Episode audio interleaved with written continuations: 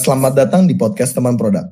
Teman Produk sendiri adalah sebuah komunitas produk yang membahas seputar dunia, produk digital, produk manajemen, startup, dan lainnya. Komunitas ini menggunakan Discord untuk saling terhubung. Jadi, untuk kalian yang belum join, bisa cek invitational link Discord-nya di bio LinkedIn Teman Produk. Dalam episode perdana podcast ini akan dibahas soal peralihan karir menjadi seorang product manager dari beberapa variasi background sebelumnya. Oke, jadi uh, pertama mungkin perkenalan dulu kali ya, biar enak ya. Mas Aji, boleh perkenalkan diri Mas Aji? Halo, halo. Halo. Kenapa saya duluan ya? Oke, okay, uh, eh, kenalan ya. Oke, okay, nama nama nama gue Aji. Uh, gue PM di sebuah perusahaan uh, yang bergerak di bidang distribusi ya, distribusi obat uh, dan vitamin segala macam yang terkait dengan kesehatan. Oke. Okay. Oke, okay, udah. Ya. Selanjutnya uh, ada Mas Indra nih. Mas Indra. Uh, halo teman-teman uh, pendengar teman produk. Uh, nama gue Indra. Gue product manager di perusahaan uh, Vision AI di Jakarta. Mantap. Oke, selanjutnya uh, ada Mas Petka. Mas Petka silakan. Hai guys, Ya, uh, gue Petka. Uh, sekarang lagi kerja jadi PM di salah satu startup yang related ke uh, merchant. Thank you. Mantap. Uh, selanjutnya lagi ada Mas Husen. Uh, perkenalkan, nama saya Husen. Uh, saya PMO di perusahaan IT distributor enterprise uh, di Jakarta. Mantap. Uh, selanjutnya lagi ada Mas Rifko. Oke, halo Deska. Ya, nama saya Anton saat ini pegang di uh, role product di, halo halo di perusahaan warung di Indonesia. Unmute, unmute. Unmute Oh iya. Aduh, udah meeting meeting internal nih. eh ini masih latihan apa udah mulai sih? Latihan, latihan, latihan. Tapi serius oh, okay, latihannya. Ya, serius, serius, serius, nggak apa-apa. Ya, halo Deska. Ya, nama saya Anton. Saat ini pegang jadi uh, di role product di perusahaan yang bergerak di bidang warung di Indonesia. Waduh, mantap. Oke, uh, yang terakhir berarti saya sendiri ya. Uh, kenalin teman-teman uh, pendengar uh, podcast teman produk. Uh, nama gue Deska. Uh, gue sekarang bekerja sebagai product manager di salah satu fintech di Indonesia. Oke, uh, sekian untuk perkenalan uh, diri masing-masing ya. Jadi uh, sesuai topik yang dibahas tadi, uh, jadi dari kami kan sekarang udah ada posi di posisi uh, product management role ya. Jadi kita bakal sharing uh, apa aja sih uh, pengalaman uh, sampai di titik di mana kita menjadi seorang product manager. Satu-satu nanti dari kita bakal sharing ya, kayak suka di, suka dukanya, terus kenapa nge-decide jadi product manager dan sebagainya. Uh, mungkin yang pertama bisa dari Mas Petka, mungkin uh, bisa sharing Mas. Halo, halo. Ya. Oke, okay, kalau dari uh, gue sendiri, sebenarnya uh, dari awal uh, nggak nggak punya kepikiran untuk jadi product manager. Jadi uh, dulu pertama kali dari lulus kuliah sempat jadi engineer. Setelah itu uh, ambil S2, lalu setelah S2 dap, uh, masuk ke salah satu startup di Indonesia untuk role operation setelah itu jadi bisnis analis dan uh, lalu di appointment jadi uh, product manager juga. Kebetulan memang waktu itu company gue uh, diakuisisi oleh salah satu uh, company lain gitu. Jadi uh, dalam proses akuisisinya ada perubahan role itu terjadi dan uh, secara kebetulan uh, gue diasah untuk jadi product manager. Itu sih kira-kira pengalaman dari gue. Thank you.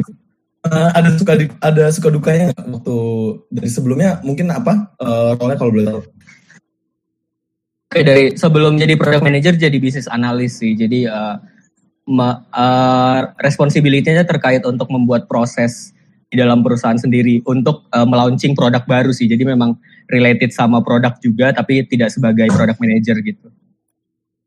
Oke, terus bedanya apa nih Mas dari bisnis bisnis analis terus jadi product manager? Oke, okay. bedanya uh, lebih ke kalau misalnya pas kita jadi bisnis analis di sisi proses kan kita memang gimana caranya kita mensupport kan dari uh, launching produk tersebut. Jadi memang kebetulan waktu itu produknya cukup major. Jadi kita harus uh, membuat beberapa hak ba cukup banyak perubahan dari sisi bisnis proses di perusahaan.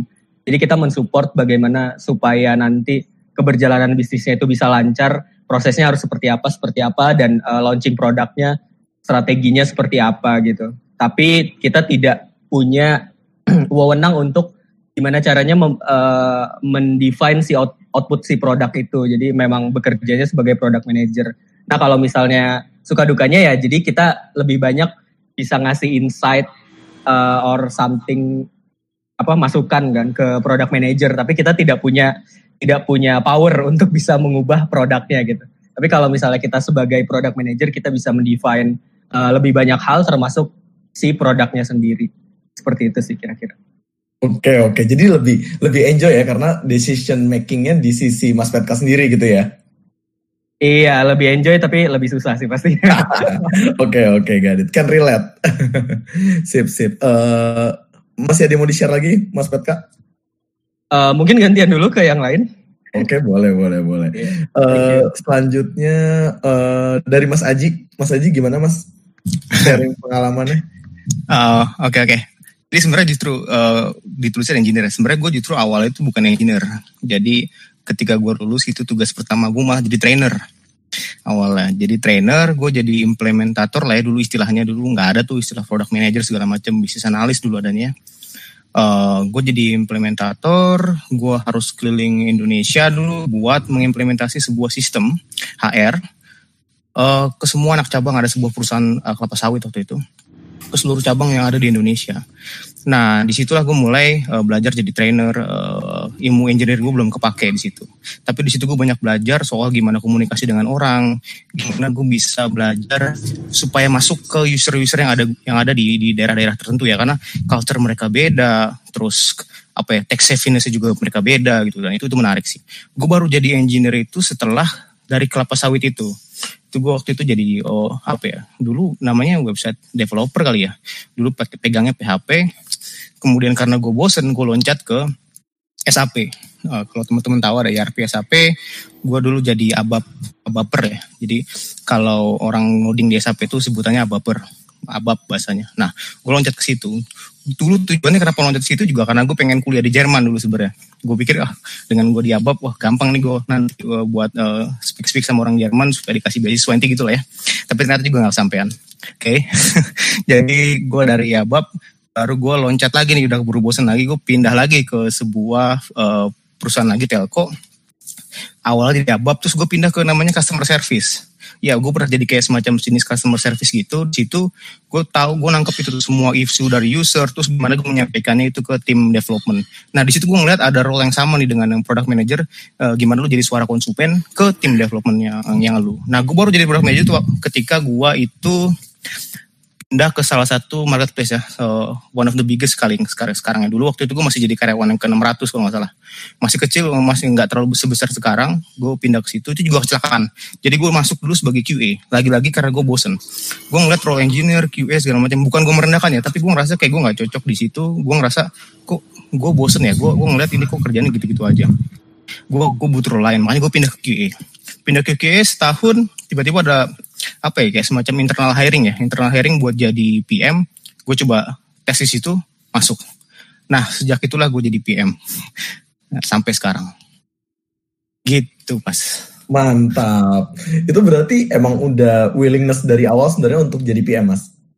Um, gini di mungkin angkatan-angkatan gue yang lulusan di bawah 2010 ya nggak istilah product manager itu dulu nggak ada nggak ada tuh istilah product manager. Dulu kalau lulus lu di lulusan apa lagi lulusan IT misalkan ya ya either lu jadi programmer nyebutnya dulu ya programmer atau lu jadi tester misalkan ya atau lu jadi trainer atau lu jadi apa lagi tuh project manager dan lain-lain ya.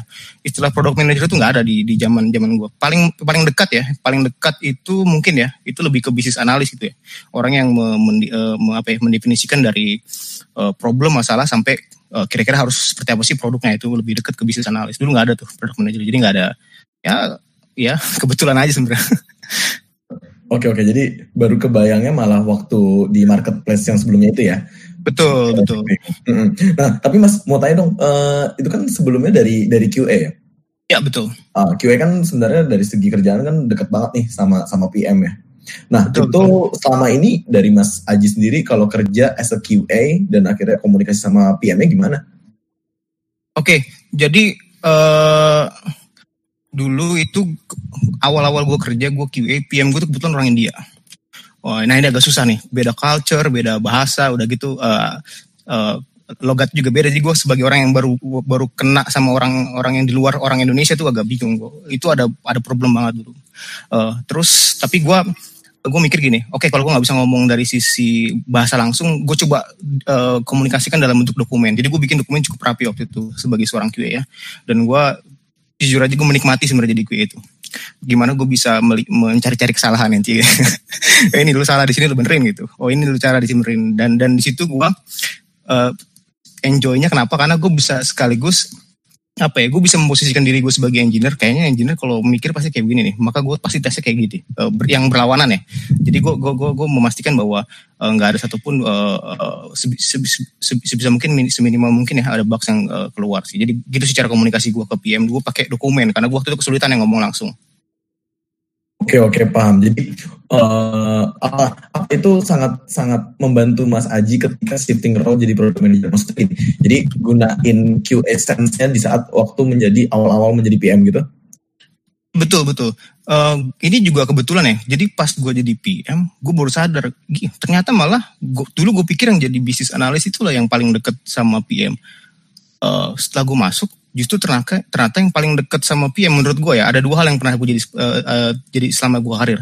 Karir gue di bidang customer service dan karir gue selama jadi QA gitu.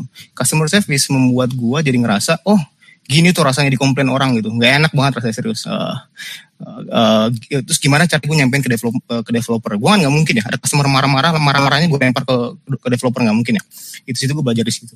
Terus QA juga gue belajar bagaimana nggak sembarangan nih ngerilis produk gue harus ngerilis produk yang benar-benar bagus um, ya, ya seminimum mungkin ada bugs dan ya benar-benar yang bagus lah di situ gue ngelihat ada dua role yang selama ini gue jadi uh, dasar gue uh, jadi PM sih Oke okay, oke okay, Gadit. Jadi bener-bener uh, basis from customer service and care ini ngebantu Mas Aji banget ya untuk menjadi product betul, manager betul. sampai sekarang. Oke okay, sip sip nice nice. Uh, mungkin kita ke another uh, ini ya uh, partisipan. Oke, okay, uh, Mas Indra bisa sharing Mas Indra? Ya, uh, hmm, gimana uh, mulai karir sebagai PM ya? Oke, mungkin uh, dimulai pas gue magang ya di perusahaan gue sekarang nih uh, sebagai data scientist nih di 2017 kayak uh, role ini mungkin yang paling hype ya di zaman sekarang tapi di dulu tuh gue waktu kuliah udah kepikiran buat nyari-nyari kayak data scientist apa sih dan gue harus belajar dari mana gitu. Hasil ditemu dong tempat kerja gue sekarang nih dan dikasih kesempatan buat intern dan akhirnya ada kesempatan buat uh, full time sebagai AI engineer. Mungkin uh, sedikit cerita ya bedanya AI engineer atau software engineer di uh, tempat lain itu apa sih? Karena produk kita nih Vision AI dan yang kita buat berupa uh, aplikasi solusi AI di uh, industri uh, smart city ataupun security surveillance. Jadi yang kita uh, buat ini bukan cuma aplikasi gitu, tapi gimana kita membuat model atau representasi kecerdasan berdasarkan kriteria atau uh, ketentuan yang udah kita bikin nih. Sebagai contoh, uh, ada beberapa case yang bisa gue ceritain sih kayak uh, gue pernah bikin kayak uh, gimana buat uh, sistem untuk mendeteksi uh, kendaraan di jalan raya. Nah itu tuh dilakuin uh, sebagai engineer end to end nih, mulai dari data acquisition, kita memberi label pada data, sampai uh, data preprocessing, model di training, sampai lakukan uji coba terhadap model tersebut uh, terhadap data yang sesungguhnya ya. Dan uh, di situ banyak belajar juga sih tentang tantangan-tantangan uh, apa aja sih yang uh, dihadapin uh, produk dari sisi AI engineer gitu. So banyak juga uh, kendala yang dihadapi produk ini tentang ekspektasi ya kayak dia kan atau di machine learning atau kecerdasan buatan nggak sampai sempurna ya uh, des kayak kita tahu nih AI ini ya ya mesin gitu. Nggak nggak bisa 100% lah itu masih jauh gitu dari uh, mungkin dari set saat ini ya. Dan itu juga sih yang jadi problem di produk kita ya. Gimana kita bikin satu ekspektasi tentang limitasi dan kemampuan AI ini di sisi user. Sampai akhirnya uh, dua tahun berselang dapat challenge baru nih buat jadi uh, dataset management lead. Jadi kalau di role sebelumnya engineer kan data acquisition nih AI yang proses ya dan annotationnya juga. Jadi kalau data management ini lebih fokus bangun uh, operational manajemennya. Jadi kalau uh, sedikit cerita lagi, kalau di AI ini kita butuh data ya, yang data ini diberi anotasi atau istilahnya tuh supervised uh, machine learning gitu, di mana model belajar dari data yang telah diberi label. Nah, untuk label ini kan uh, pekerjaan yang PR ya, kayak kita, lo harus anotasi gambar gitu. Ada gambar A, ada mobil lo kotak-kotakin. Oke, datanya mungkin sedikit, tapi enggak. Ini datanya banyak banget, bisa ribuan ataupun puluhan ribu ya. Nah, di sini gue bikin uh, tim gimana manage annotation itu uh, agar efektif, menghasilkan kualitas yang bagus dan harganya pun tetap kompetitif ya dibanding kita pakai vendor atau third party. Dan sampai akhirnya di awal pandemik uh, ada challenge baru lagi di situ uh, gue sebagai product manager untuk uh, externalize internal service uh, company gue untuk dapat uh, external client ya buat tambah uh, revenue dari perusahaan. Oke Mas Indra, ini uh, agak menarik ya. Jadi uh, product manager untuk uh, produk AI ya. Nah, uh, challenge-nya apa sih Mas? Kira-kira Mas uh, Indra bisa ngejelasin nggak? Jadi bedanya nih dari PM yang biasanya sama PM yang khusus kayak produk AI gitu? Oke, mungkin tantangan terbesar ya tadi ceritain di role AI sebelumnya Pet ya. Gimana soal ekspektasi dari uh, klien ini sih? Kadang nih di AI itu orang terbuai dengan gimmick-gimmick dan film-film gitu. AI ini udah bisa berbicara dengan manusia secara real time. Terminator bisa, ya, Terminator. Ah, udah banyak film Hollywood nih yang bikin apa pemikiran uh, klien ini jadi suka aneh-aneh gitu. Kayak mereka lupa ya, AI itu ya ya masih mesin gitu. Di luar pun masih belum terlalu uh, jauh ya state-state tentang uh, yang mereka pikirin gitu. Uh, ekspektasinya sih kayak objek apa aja misalnya yang bisa dideteksi oleh uh, sistem kita dan kondisi-kondisi apa aja yang uh, bisa dideteksi dan tidak. Nah, mengkomunikasikan dan edukasikan ini jadi kira tersendiri sih uh, untuk produk AI dibanding mungkin produk-produk konvensional lainnya. Oke, okay, ya, ya, gue gue bisa gue bisa ngebayangin sih ngekomunikasin ke kalian soal ekspektasi dari produk itu tersendiri mm -hmm. ya. Iya, iya, oke, okay, sip, sip. Oke, okay, uh, lanjut lagi ke Mas Husen, silakan Mas. Uh, makasih uh, Mas Deska. Uh, saya di sini uh, berperan sebagai PMO ya di kantor saya. Sebenarnya uh, dulu uh, saya sebagai startup founder tapi emang uh, fokusnya di e-commerce sepatu ya. Tapi setelah beberapa lama berjalan, akhirnya saya tutup. Uh, kemudian saya uh, mulai beralih karir ke arah PMO uh, yang mana uh, ke depannya sih harapannya uh, bisa jadi PM gitu role-nya dan apa yang gue lakuin company itu lebih ke arah gimana sih caranya kita manage uh, berbagai stakeholder yang terlibat dalam suatu project uh, lebih uh, umumnya seperti itu mas. Oke okay, oke okay, oke. Okay. Jadi uh, mungkin bisa nih mas uh, sharing ya mas. Jadi journey dari mas sendiri buat sampai nanti di level dari PMO jadi PM apa aja nih mas plan-plannya? Uh, kalau dari saya sendiri sih, uh, uh, saya mulai dari bawah dulu ya Mas. Uh, saya sih baca baca-baca di artikel di luar uh, paling better kalau mulai jadi PM dari project manager gitu kan uh, arahnya. Uh, itu dari sudut pandang saya. Karena apa? Uh, dari situ uh, saya belajar mengenai uh, banyak gimana caranya manajemen resiko, uh, mengolah komunikasi dengan stakeholder, uh, kemudian uh, gimana caranya jaga scope project tersebut uh, dan uh, sebagainya sih Mas. Uh, kira-kira begitu. Oke okay, oke. Okay. Uh, challenge-nya tersendiri Mas Husen, gimana Mas dari awal uh, menjalani karir sebagai PMO sampai sekarang? Uh, challenge-nya sih lebih ke arah gimana caranya kita uh, memenuhi ekspektasi klien ya Mas. Uh, uh, yang mana kan ujung-ujungnya uh, klien itu harus puas bukan dari sisi kita yang puas, tapi uh, kebutuhan dari customer kita itu harus terpenuhi seperti itu dengan waktu yang terbatas itu. Oke, mantap mantap mantap Mas Husen. Terima kasih. Oke, uh, sebelum sampai uh, nanti Mas Rifko sharing, mungkin dari sisi saya dulu yang sharingnya. Oke, uh, jadi kalau dari sisi uh, oke okay lah gue ya, gue gue baru jadi product manager kayak uh, a past a year. Jadi uh, fun fact-nya adalah uh, Mas Rifko adalah direct report gue dulunya. jadi dia salah satu yang yang uh, bimbing gue untuk jadi product manager. Uh, awalnya gue itu sebelum jadi uh, product manager gue itu designer ya, uh, UI UX designer, both of it. Jadi uh, gue kadang research Uh, terus juga akhirnya dari hasil research gue gue gue nggak desain gitu tapi lebih banyak porsinya di di desainnya uh, jadi kalau dari sisi gue gue sebenarnya uh, jujur ya kalau ditanya gue emang lebih suka generalis gitu daripada spesialis ya. Karena kalau di di di desain kan spesialis banget kan.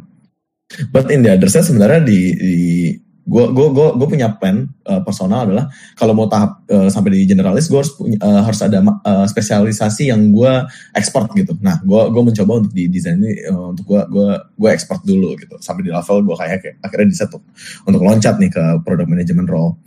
Uh, dan menurut gue dari segi personal pun juga sebenarnya kan kayak kalau ada tahu nih teman-teman uh, PM Venn diagram isinya kan ada kayak design, tech sama uh, user ya.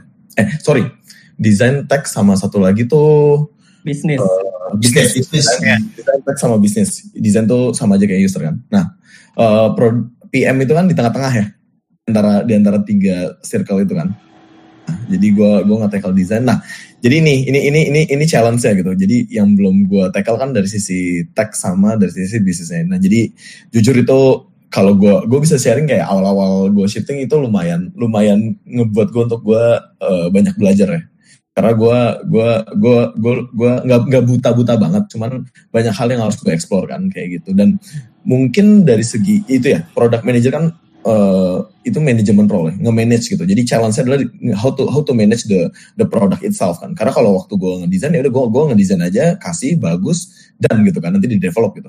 Kalau misalnya lo as a PM lo mesti ngeliat view-nya tuh dari dari lebih lebih uh, perspektif yang luas gitu mungkin lu view-nya kalau misalnya gue kemarin sebagai desainer ya udah gue fokus ke user aja. Kayak gimana caranya user dapat experience yang bagus udah gitu. Terus dapat uh, kayak desain yang uh, estetiknya lumayan kayak wah nih oh, warnanya gue suka gitu. Udah kayak gitu. Cuman cuman that's it gitu. Tapi kalau PM kan kayak semuanya gitu. Berkaitan sama stakeholder yang lain gak cuman dari desainer gitu. Engineer terus uh, QA terus uh, marketing ops even kayak customer service pun juga itu jadi salah satu stakeholdernya. Jadi view-nya tuh lebih kayak helikopter view gitu. Dan itu uh, bener-bener kayak uh, gimana caranya kita komunikasiin ke setiap uh, stakeholder itu menjadi sebuah challenge. Satu. Kedua gimana caranya semua itu mendapat uh, alignment ya dari produk yang kita yang kita develop gitu dan akhirnya sampai rilis. Jadi uh, kalau dari sisi gue sebenarnya gue gue senang sih di sini karena jadinya gue banyak belajar juga dari another sector kayak gitu. Jadi uh, that's my my experience that's my uh, sukacitanya uh, menjadi PM. Uh, teman-teman ada mau nanya gue nggak? gue gue gue gue senang sih kalau ditanyain. Oh, Gak nanya diri sendiri aja mas. ya Aji dulu Aji, gimana Aji? Nanya apa gue?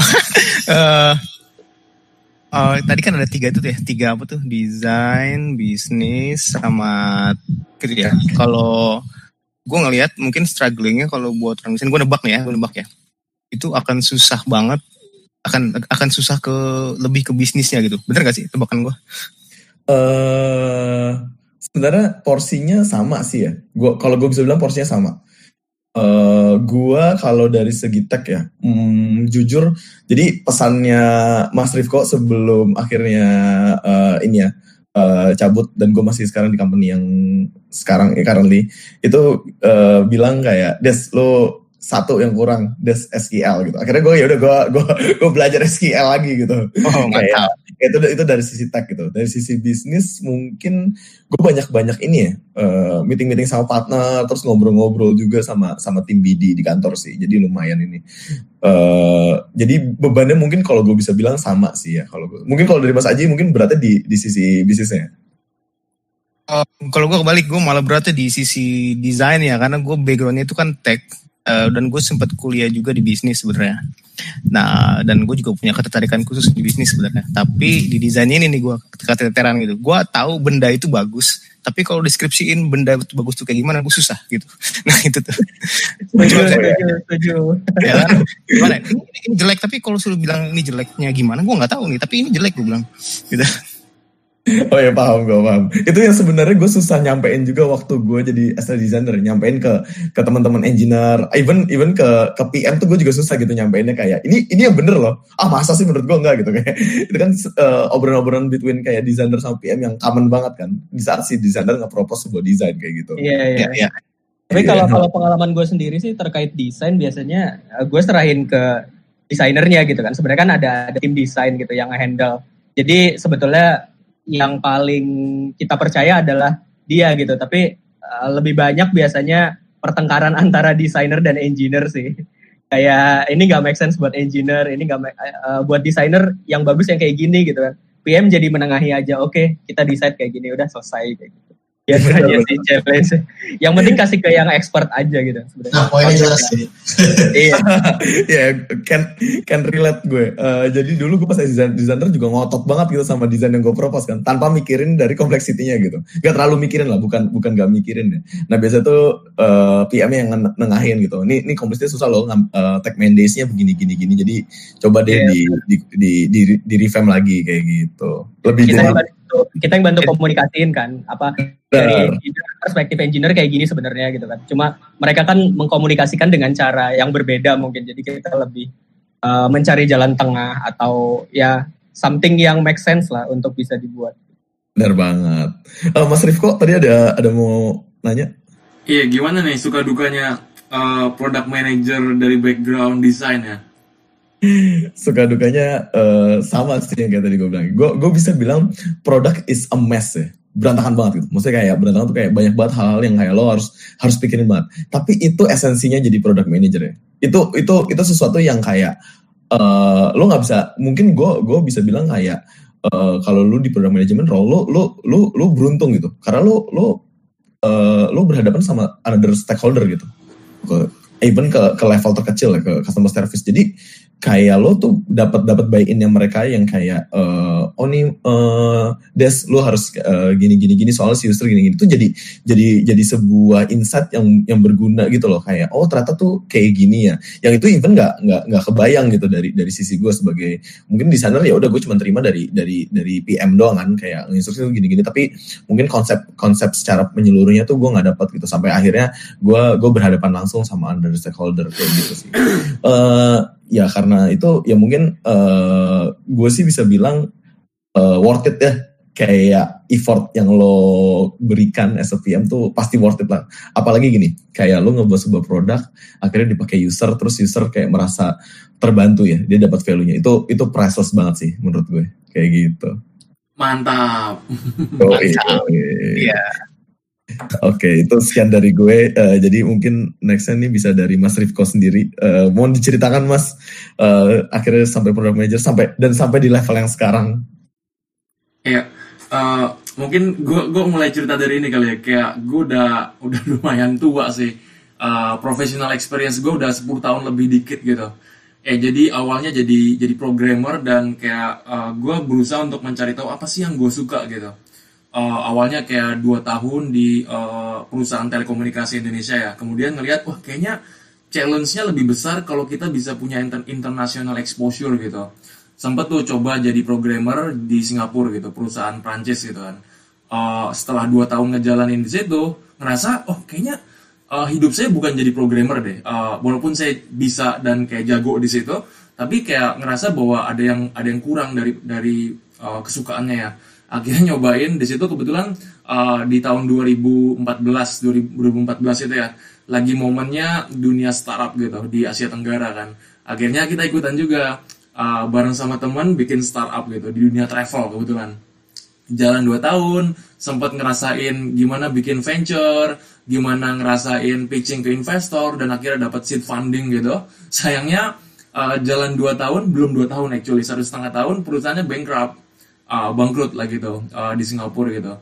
Untungnya, untungnya sebelum bangkrut tuh kita udah ini, uh, saya udah sempat discuss sama salah satu uh, perusahaan online travel yang akhirnya terbesar di Asia Tenggara ya. Uh, di situ dikasih kesempatan jadi product manager. Itulah pertama kali per, uh, perkenalan saya ke produk uh, dunia product manager ya. Uh, apa nih product manager? Oh rupanya menjembatani antara user dengan tim implementasi gitu kan.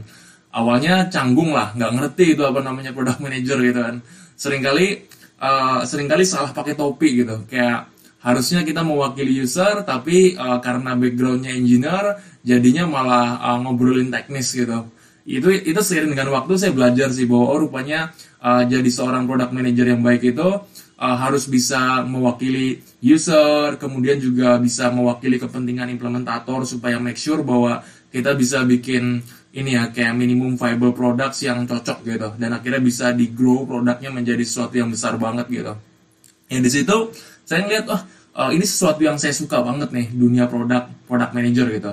Tapi kayaknya ada sesuatu yang saya belum ngerti gitu. Dan saya uh, hanya bisa ngerti kalau saya bisa keluar dari dari company itu dan mengalami experience di tempat lain gitu. Akhirnya lompat-lompat tuh uh, jalan setahun di company e-commerce kemudian tiga tahun di uh, payment gateway bareng sama Deska dan akhirnya di perusahaan sekarang. Uh, di ini ya kayak kita berusaha untuk ngebuat revolusi di dunia warung gitu. Warung tuh grassroots di Indonesia kan. Kebetulan kayak pegang sebagai VP of Product uh, di sini ini sih kayak dapat role tambahan sebagai mentor ya. Kayak make sure supaya uh, supaya kayak di organisasinya itu punya punya produk mindset yang bagus sehingga kayak setiap product manager maupun implementator itu bisa mewakili uh, perasaan dan kebutuhannya user di situ sih yang mungkin uh, gitu des uh, cerita dari saya Oke, okay, uh, eh, Mas Anton. Uh, Mas Rifko, sorry. uh, suka dukanya apa nih Mas? Sampai akhirnya di level segini. Kayak uh, pernah nggak kebayang dulu di awal-awal jadi dari engineer terus jadi mau mau jadi product manager gitu? Uh, dulu saya ini sih kayak awalnya kan lulusan dari informatika ya teknik gitu. Ngerasa wah berarti uh, yang terbaik buat saya adalah programmer gitu. Dan akhirnya ngalamin empat uh, empat tahun dan satu setengah tahun uh, sebagai programmer gitu. Uh, ngerasa oh ini saya bisa saya bisa banget gitu. Tapi ngerasa bahwa kayak mungkin uh, seiring dengan waktu saya saya bertambah tua uh, since teknologi itu catch, uh, cepet banget ya. Bisa jadi ada ada momen di mana nanti saya nggak bisa catch up gitu. Ketika saya nggak bisa catch up nanti masa depannya gimana gitu. Itu satu. Yang kedua tuh uh, ngerasa bahwa ada ada sesuatu yang kayak kurang gitu uh, dari yang saya kerjakan di dunia programming gitu. Sehingga uh, ketika dan itu kebetulan saya temukan dan saya uh, saya suka gitu ketika saya pegang di role product manager oke okay, oke okay. Uh, jadi sekarang kalau misalkan dibandingin Mas Rifko kalau di product manager uh, perspektifnya lebih luas lah ya. Kalau tadi mungkin uh, jalurnya kayak ya udah uh, gue nggak tahu nih sampai kapan tapi kalau product manager mungkin kayak lebih banyak hal-hal yang baru terus setiap setiap ininya ya, setiap waktunya ya. Benar, kalau kalau programmer kan kita uh, ini ya kayak sesuatu uh, suatu fungsi yang kayak spesialis dalam artian harus dalam sekali ya. Kayak ada ada ilmu baru katakanlah machine learning atau AI gitu. Ya untuk bisa dibilang bisa itu kita harus dalam sekali sampai dalam gitu kan. Uh, dan dan uh, ketika ketika ilmunya semakin lebar semakin banyak ada yang baru lagi ada yang baru lagi uh, kita nggak bisa catch up gitu. Uh, ya akhirnya mungkin suatu waktu perlu jadi seorang uh, mentor ya mentor programming gitu. Atau kayak mungkin uh, make sure bahwa organisasi organisasinya itu bisa uh, punya mindset engineering yang kuat gitu.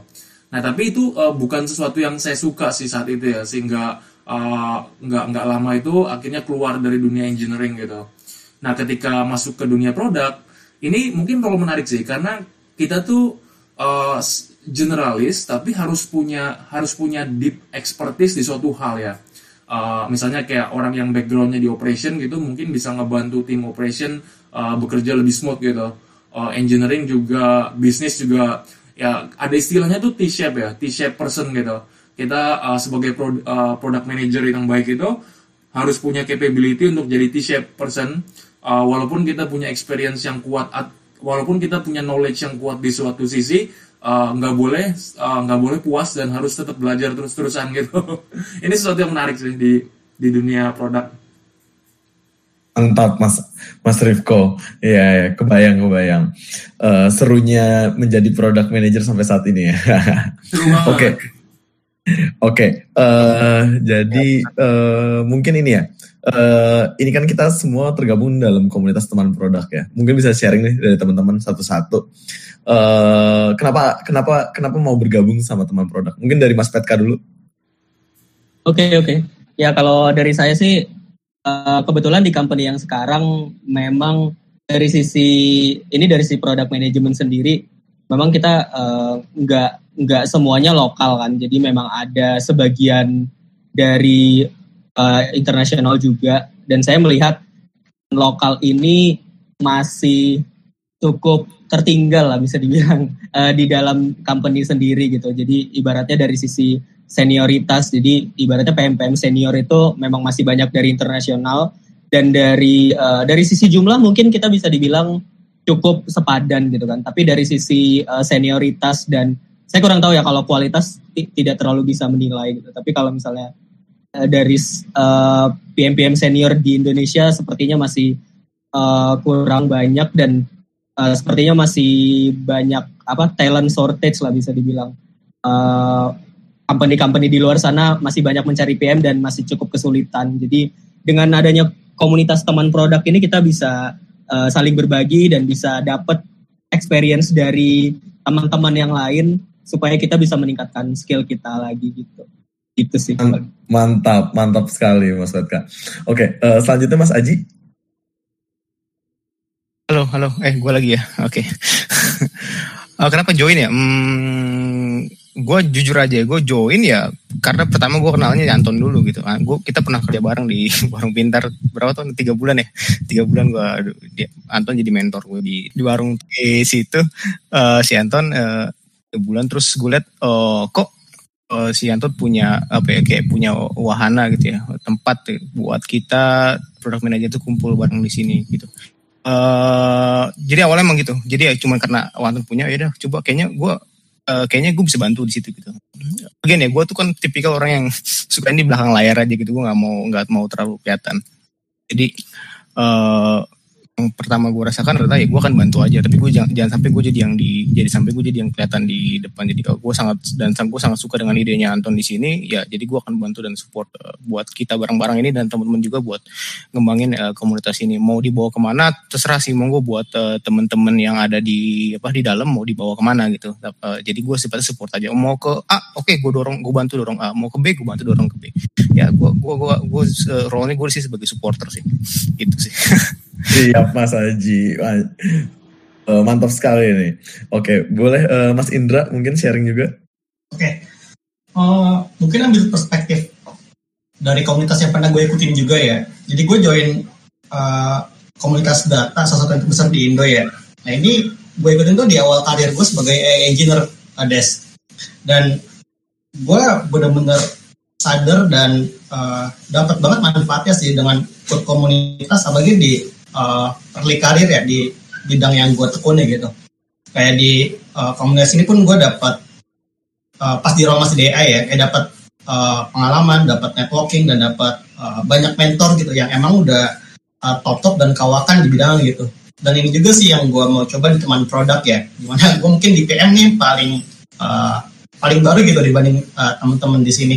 Dan gue harap kayak di uh, teman produk bisa banyak belajar sih dan uh, bisa kenalan juga dengan teman-teman yang emang udah duluan di PM dan uh, bisa sharing juga gitu tentang uh, pengalaman dan tantangan apa aja sih yang bisa uh, gue pelajari as a newcomer. Dan terakhir mungkin penting juga ya di komunitas tuh nggak cuman datang, join meet up, kenalan, uh, ya gitu dong gitu. Tapi poin kontribusi ini sih yang mau gue highlight ya. Ketika lu bisa kontribusi ke komunitas tersebut tuh bakal jadi double impact lebih terlibat dengan uh, dinamika mereka, lebih banyak terlibat dengan uh, apa program-program yang bakal uh, mereka jalanin. Nah, di situ sih gua ngeliat uh, apa variabel yang bikin bisa berkembang lebih cepat ya as personal. Oke, jadi sebenarnya networking pun juga itu butuh ya untuk lo meningkatkan kemampuan karir lo, bener nggak sih? Setuju banget. Yeah, siap. Oke, uh, Mas Husen gimana Mas Husen? Uh, oh ya, uh, terima kasih Mas Dika Uh, jadi alasannya saya join pun karena saya dulu kan emang suka ikut komunitas ya. Uh, terus uh, saat di dunia kerja itu kayak sepi gitu kan, nggak ada komunitas yang emang bisa saya gabung. Dan emang saya berpassionate di dunia product management. Akhirnya saya masih nyari-nyari sebenarnya komunitas produk di Indonesia itu apa aja sih? Ada nggak sih? Eh, ternyata kemarin-kemarin tuh baru lihat tuh mengenai teman produk. Nah, di sisi lain. Saya pun uh, pengen gitu loh, uh, pengen tahu apa sih sebenarnya yang dibutuhin oleh seorang product manager gitu loh dari level uh, newbie hingga senior seperti itu.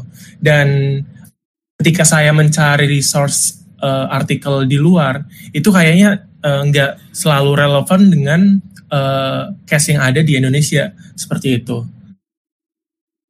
Oke, siap Mas Hussein. Jadi uh, semangat uh, untuk kontribusinya di komunitas teman produk ya sampai nanti akhirnya menjadi seorang product manager juga. Iya. Oke. Uh, uh, kalau dari gue sendiri uh, personal ya kayak uh, kenapa mau inisiasi adanya uh, komunitas teman produk. Jujur uh, pas waktu masih jadi desainer, uh, gue join beberapa komunitas ya, dan itu banyak dan itu cukup aktif ya. Nah, waktu gue shifting jadi product manager, gue nyari-nyari tuh ini ini gue ya, gue gue gue nggak nemu gitu, gue nggak nemu komunitas product manager yang bisa gue jam in, terus gue bisa tanya jawab santai, terus gue bisa lihat ada job posting, terus gue bisa uh, kayak ngobrolin hal-hal yang mungkin uh, berkaitan juga sama uh, product manager gitu dari segi desain, terus uh, marketing, terus uh, bisnis yang kayak gitu-gitu. Nah, gue gua gua nggak nemu gitu. Nah, akhirnya uh, teman produk ini hadir untuk menjawab semua pertanyaan itu kan. Jadi kayak siapa pun bisa join all level, uh, even even not uh, uh, not a PM uh, want to become a product manager or or just want to know about the product manager it's, it's a good thing gitu. Dan akhirnya kayak mungkin ya kayak uh, dengan komunitas ini uh, bisa membantu orang-orang uh, di luar sana ya yang membutuhkan gitu yang yang sekarang lagi struggling untuk cari kerjaan yang yang struggling sama karirnya untuk uh, untuk naik level dan segala macam gitu. Dan akhirnya kita sama-sama di sini kan sebenarnya sama-sama belajar ya. Uh, kalau dari gue personal, gue ada quote yang gue suka itu uh, knowledge is not a power, uh, the implemented knowledge is a power. Jadi kalau lo punya ilmu tapi lo nggak bagi itu useless gitu. Jadi kalau lo punya ilmu dan lo lo berbagi sama orang-orang itu baru itu itu itu sebuah kekuatan untuk uh, buat diri lo sendiri juga gitu. Luar biasa sekali Mas Deska. Yo, eh uh, kalau dari Mas Rifko sendiri gimana Mas? Wih keren banget ya uh, motonya, quotesnya. Ya mungkin dari dari gue sama sih sama yang lain. Intinya kayak ngeliat bahwa uh, ada perlu wadah ya wadah buat ngobrol bareng uh, sesama product manager ataupun uh, orang-orang yang antusias jadi product manager gitu. Uh, sebenarnya ada satu ada satu yang menggugah sih mungkin kayak sedikit idealisme saya ya gitu ngelihat bahwa uh, kan di uh, seiring dengan perjalanan karir saya selama lima tahun ya sebagai produk di dunia produk gitu ngelihat bahwa oh definisi product manager yang dipahamin sama satu orang, satu perusahaan dan yang lain itu berbeda-beda gitu. Kayak ada yang uh, definisinya seperti ini, seperti itu dan yang lain ini nggak terjadi kan kalau di roles lainnya. Misalnya kayak ekspektasinya programmer ya seseorang yang bisa membuat program uh, seperti itu seperti itu kan. Nah ini sesuatu yang menarik karena kayak di Indonesia sendiri atau Asia Tenggara khususnya gitu. Uh, kayak dunia produk digital kan akan berkembang semakin berkembang lima tahun ke depan 10 tahun ke depan ya. Dan akhirnya kita sebagai kayak uh, profesional di sini itu bakal bakal berkontribusi terhadap kemajuan uh, dunia produk digital di Indonesia gitu. Akan banyak perusahaan yang membutuhkan produk manager dan akan semakin banyak profesional yang masuk ke dunia produk manajemen artinya ini ya kayak kita perlu perlu kayak bikin wadah bareng untuk diskusi bareng sehingga suatu waktu uh, setidaknya mungkin uh, secara nggak langsung itu pemahaman dan uh, keahlian keahlian dunia atau kayak skill ya skill product development uh, kita itu sebagai uh, profesional dari Indonesia itu semakin berkembang gitu ya harapannya uh, teman produk bisa bisa berkontribusi ke situ sih uh, gitu Oke siap Mas Anton. Jadi ini uh, berharap uh, makin gede ya pastinya ya orang-orang yang bergabung di komunitas teman produk ini. Amin biar makin amin. seru ya enggak amin amin amin oke okay.